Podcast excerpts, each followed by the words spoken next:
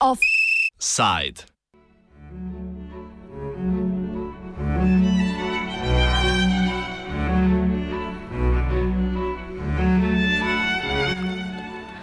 Pozitivne plati participacije.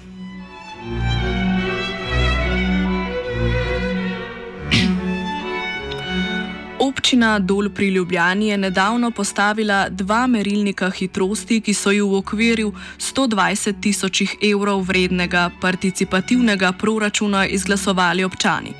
Merilnika v vseh Videm in Zabor sta bila izglasovana novembra lani kot del prvega participativnega proračuna te občine, saj se občani očitno ne držijo omejitev hitrosti na 40 km/h. Merilnikoma se bodo jeseni pridružilo še deset drugih manjših infrastrukturnih projektov, ki so jih izglasovali občani. Dol pri Ljubljani se tako pridružuje številnim, predvsem primorskim občinam, ki imajo participativne proračune. Ti v zadnjih letih postajajo vse bolj priljubljeni. Pred lokalnimi volitvami leta 2018 je veliko županov obljubljalo njihovo izvedbo, a so bili rezultati enkrat boljši, drugič slabši. V današnjem offsajdu tako o postopku izvedbe prvega participativnega participativnega proračuna v dolu pri Ljubljani in možnih izboljšavah ultimativnega načina demokratičnega odločanja znotraj lokalnih skupnosti, kakor ga označuje njegova zagovornica Mojca Pišek.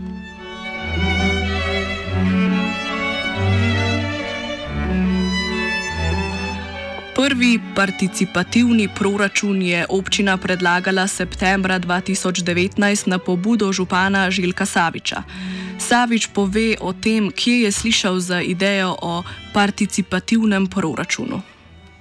Ideja sama se mi je porajala že v bistvu pred samimi volitvami. Kot pristop eh, se mi je zdel zelo inovativen in v bistvu pokriva neko področje proračuna, ki pa ni ravno opredeljen čez načrte razvojnih projektov ali pa čez druge neke celostne ureditve. Običajno so bila to neka sredstva, pa v bistvu eh, neke ideje posameznikov ali pa tudi, da so prišle direktno iz občinske uprave, ki so narekovali na kak eh, manjše posege ali v prostor, ali v pomoč društvom, ali pomoč nekim vaškim jedrom, ali pa skupinam ljudi, ki so želeli naprimer, nek napredek na določenem področju. Sam se nisem pa, eh, priključil takrat pobudi, ki so jo ostali župani se zavezali pred samim volitvom, da bojo participativni proračun tudi izvedli. Smo pa dejansko pa mi v letošnjem letu imeli prvo konferenco participativnega pri nas v dolu pri Ljubljani. Moj prvi stik s tem je bil pa dejansko z županom uh, Tadejem Bil Čem iz župana občine Ajdoščina, ki sem ga vprašal, kako so se oni prvega tega lotili in me je pač tudi takrat navdušil.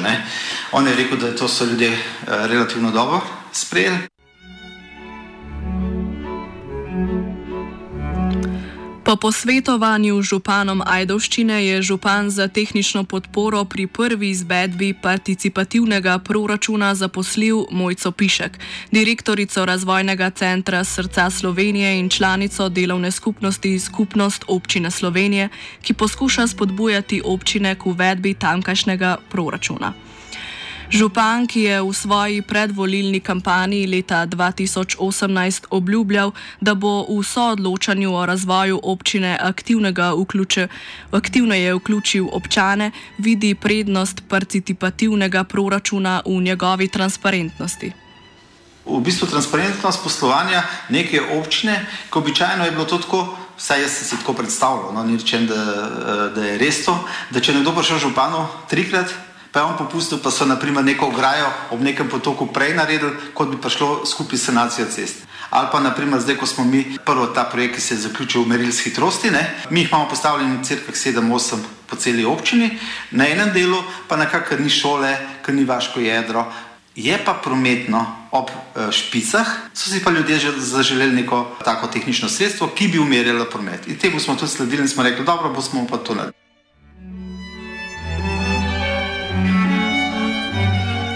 Septembra 2019 je občina zagnala postopek izvedbe participativnega proračuna. Uvo uvodnem izobraževanju občanov je oktobra sledilo zbiranje njihovih predlogov.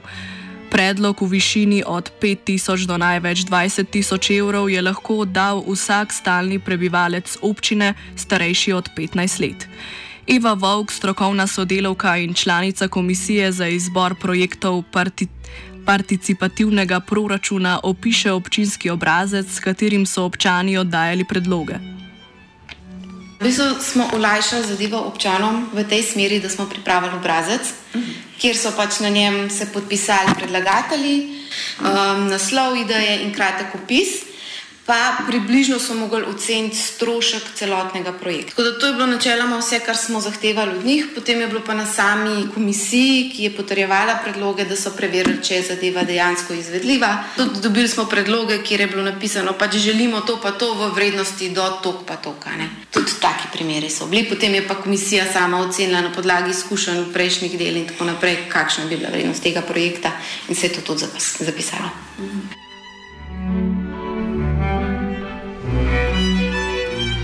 5. in 6. novembra je komisija predlagala vseh 3, 36 predlogov.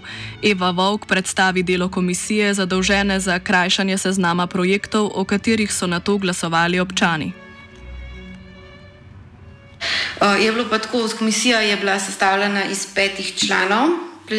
Bila je občanka in predsednica volilnega odbora, predstavnica občanov, trije predstavniki občine, se pravi občinske uprave, ki dejansko delamo na projektih, in pa strokovna sodelovka iz razvojnega centra. Gledalo je tako, da smo dejansko vsak projekt prejeli v roke, pogledali, kaj je bilo napisano, kakšni so bili predlogi.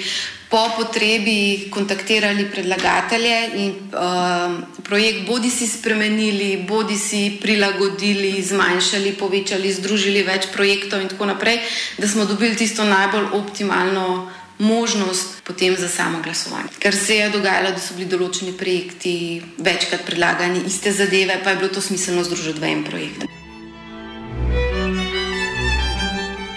Kriteriji, ki so jih morali upoštevati predlagatelji, so bili trije: da mora biti projekt izvedljiv v roku enega leta, da se lahko gradi le na občinski zemlji in da lahko proračun financira le neprofitne dejavnosti volko številu predlogov, ki jih je predlagala komisija in o tistih, ki so se znašli na glasovnicah.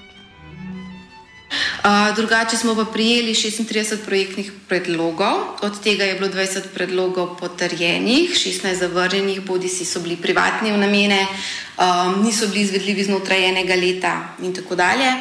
Od teh uh, eh, 20 potrjenih predlogov so se trije uvrstili v direktno izvedbo in sicer zato, ker v določenem uh, krajevnem odboru, to se je zgodilo v dveh krajevnih odborih, ni bilo uh, predlogov, ki bi presegli 20 tisoč evrov skupne vrednosti.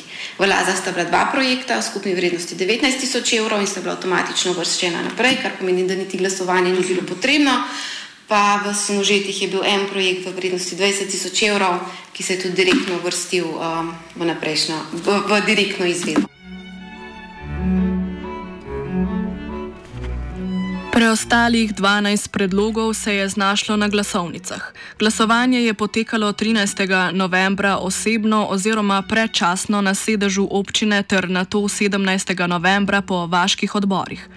Predstavniki vašnih, vaških skupnosti so lahko glasovali le v svoji skupnosti, na glasovnici pa so bili navedeni le projekti namenjeni tej skupnosti. Občan je lahko svojim trem najljubšim predlogom podelil eno, dve ali tri točke. Župan Željko Savič opiše izglasovane projekte.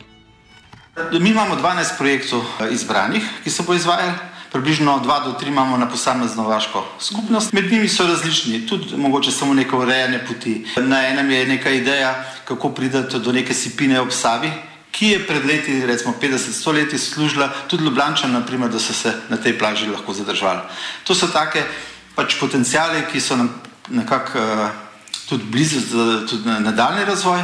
Potem je pa kar nekaj takih projektov, ali da nadgrajujejo neko obstoječe stanje, se pravi v enem manjši naselju Beričevo, imamo gasilski dom, pa imamo neko igrišče, vmes je pa manjkala neka ograja, pa nismo vedeli, kdo bi jo moral narediti. In zdaj smo skupaj s participativnim proračunom, pa z nekimi dogovori, razmeri, rekli, da pa to je pa prioriteto, ker se pa tam spet otroci zadržujejo. Druge nekje bomo uredili klopce, in bomo uredili nek prostor, ki se bo spet lahko zadržal, malo kolesarnice. In to so v bistvu te mehki infrastrukturni projekti. Ne. Se pravi, ni vezano na ne vem kakšne načrte, seveda pa po sami eh, teh pravilih, po logiki delovanja partijskega proračuna, pa občina je dožna slediti vsem teh pravilom, pač eh, tistem, kar je potrebno predhodno zagotoviti, da se lahko umešča v prostor. Ne.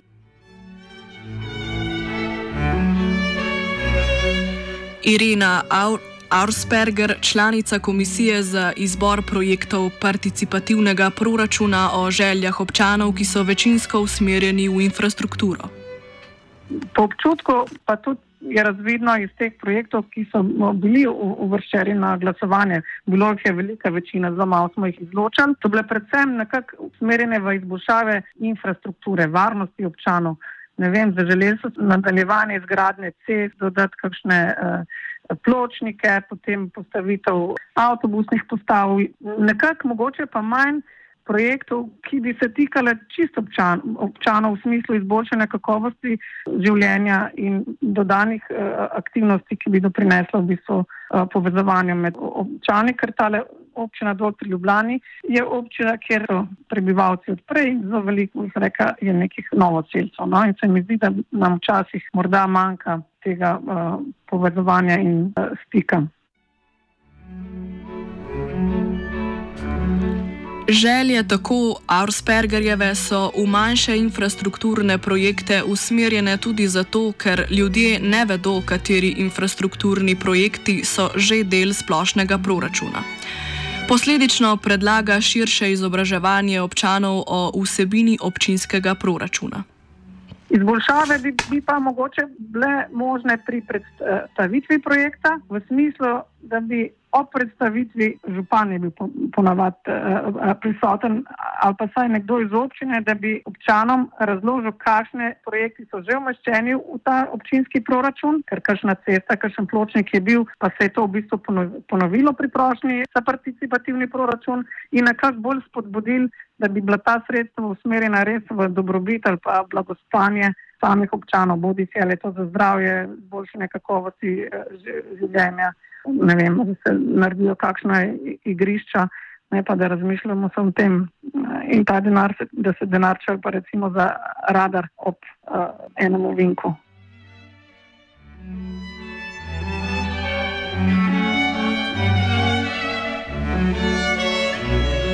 Mojca Pišek, strokovna sodelovka, ki je občini pomagala pri izvedbi projekta, predlaga še izboljšave na področju promoviranja proračuna med občani in podaljšanja roka za oddajo predlogov kar bi bilo smiselno mogoče nadgraditi ali pa izboljšati eh, v letošnjem letu, ko se bo to zopet eh, izvajalo, eh, je to, da bi bil čas za prijavo predlogov morda daljši. V lanskem letu, ko se je ta proces začel, je bilo seveda ogromno enih odprtih vprašanj, iskanja nekih odgovorov in se je zaradi tega tudi ta proces mal podaljšal in glede na to, da je bilo treba do konca leta to izvesti oziroma je bil tak cilj občina, je je bilo morda malce premalo časa uh, za prijavo predlogov strani občanov, tako da tale, ta čas bi uh, bilo smiselno podaljšati. Zdaj, kar je tudi eh, zelo smiselno, je narediti še več nekih javnih posvetov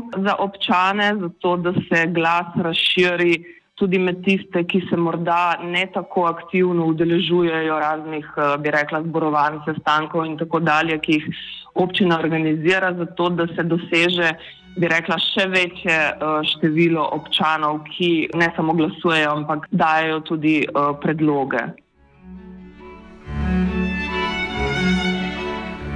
V štirih enotah, v katerih je bilo potrebno glasovanje, je glasovalo 355 občanov, kar je približno 10 odstotkov celotne volilne populacije Dola pri Ljubljani. In to potem, ko je občina participativni proračun predstavljala na treh delavnicah: na občinski spletni strani, v občinskem glasilu in na socialnih omrežjih. Občani so po pošti prejeli tudi letak z informacijami. Željko Savič z udeležbo vseeno ni zadovoljen, posebej, ker gre za prvo glasovanje. Pravijo, da to je proces. Ne? Jaz tudi nekako razmišljam, pa tudi eh, nekako so mi mignili same te komisije, da naslednjič ne bi bilo več narobe, če damo nek čas, ko bi se lahko glasovalo samo na občini. Da ne, ni potrebno, da imamo potem eh, v okviru posameznega vaškega odbora. Mogoče je tam to tudi uh, lep stik z ljudmi, pa s temi predstavniki vaše skupnosti, drugače pa komot lahko naredimo enih 14 dni ali pa 3 tedne glasovanje na sami občini in s tem zmanjšamo stroške. Upam, da bo ta zadeva tudi nekoč elektronsko, ne? kot smo se mi na prvi konferenci pogovarjali, ker je bilo in tok, recimo zdaj, jaz mislim, da je skoraj ena tretjina občin, ki v tem razmišljajo, pa so že vključeni v ta projekt participativnega in mislim, da bi bilo potem na državni ravni kakšno elektronsko platformo, kjer se ti pač registriraš kot upravičenec in bi lahko glasoval takrat gor. Ne. Mi veliko teh stvari že na naši spletni strani poskušamo kot nekaj e-uprave ali pa e-občinskega nekega portala, ki bi pomagal ljudem, da bi lažje svoje volje izrazili Participativni proračun je zajemal 120 tisoč evrov oziroma največ 20 tisoč evrov na vsako vaško skupnost. 120 tisoč evrov pomeni slabe 3 odstotke proračuna dola pri Ljubljani. Župan spregovori o pomenu participativnega proračuna kljub majhni vsoti. Ja, to je nevelik. Mi imamo crka malo manj kot 6 milijonov proračuna. Ne, to veste, pol, to je 2 do 3 procente. Ne. Uh, ni veliko, ampak je pa dejansko nek denar, kjer so bili ljudje še mogoče v preteklosti navajeni, da kot krajevne skupnosti so imeli vedno možnost dobiti neka sredstva, katere so lahko sami upravljali. Seveda je tam krajevna skupnost sama odločila o tem. Ne. Zdaj skozi te vaše odbore ali pa skozi eh, podobne te skupnosti, se pa dejansko da participativni proračun tudi na nek način, na ta način uveljavljati. Mojca Štepič zaključi s tremi nujnimi pogoji za uspešno izvedbo projekta participativnega proračuna.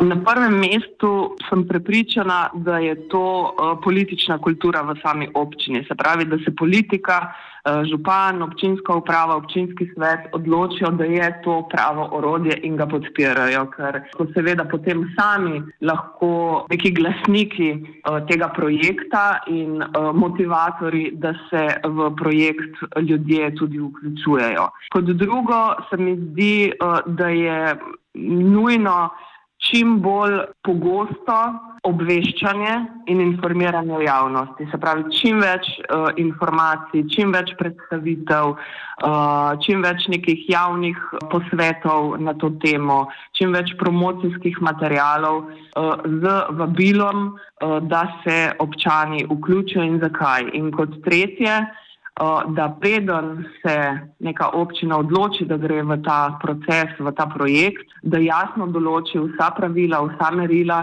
ki so zelo jasna, zelo transparentna in da se med samo izvedbo tega postopka tudi ne spreminjajo, ker to uh, kaže potem na izgubo seveda nekega zaupanja.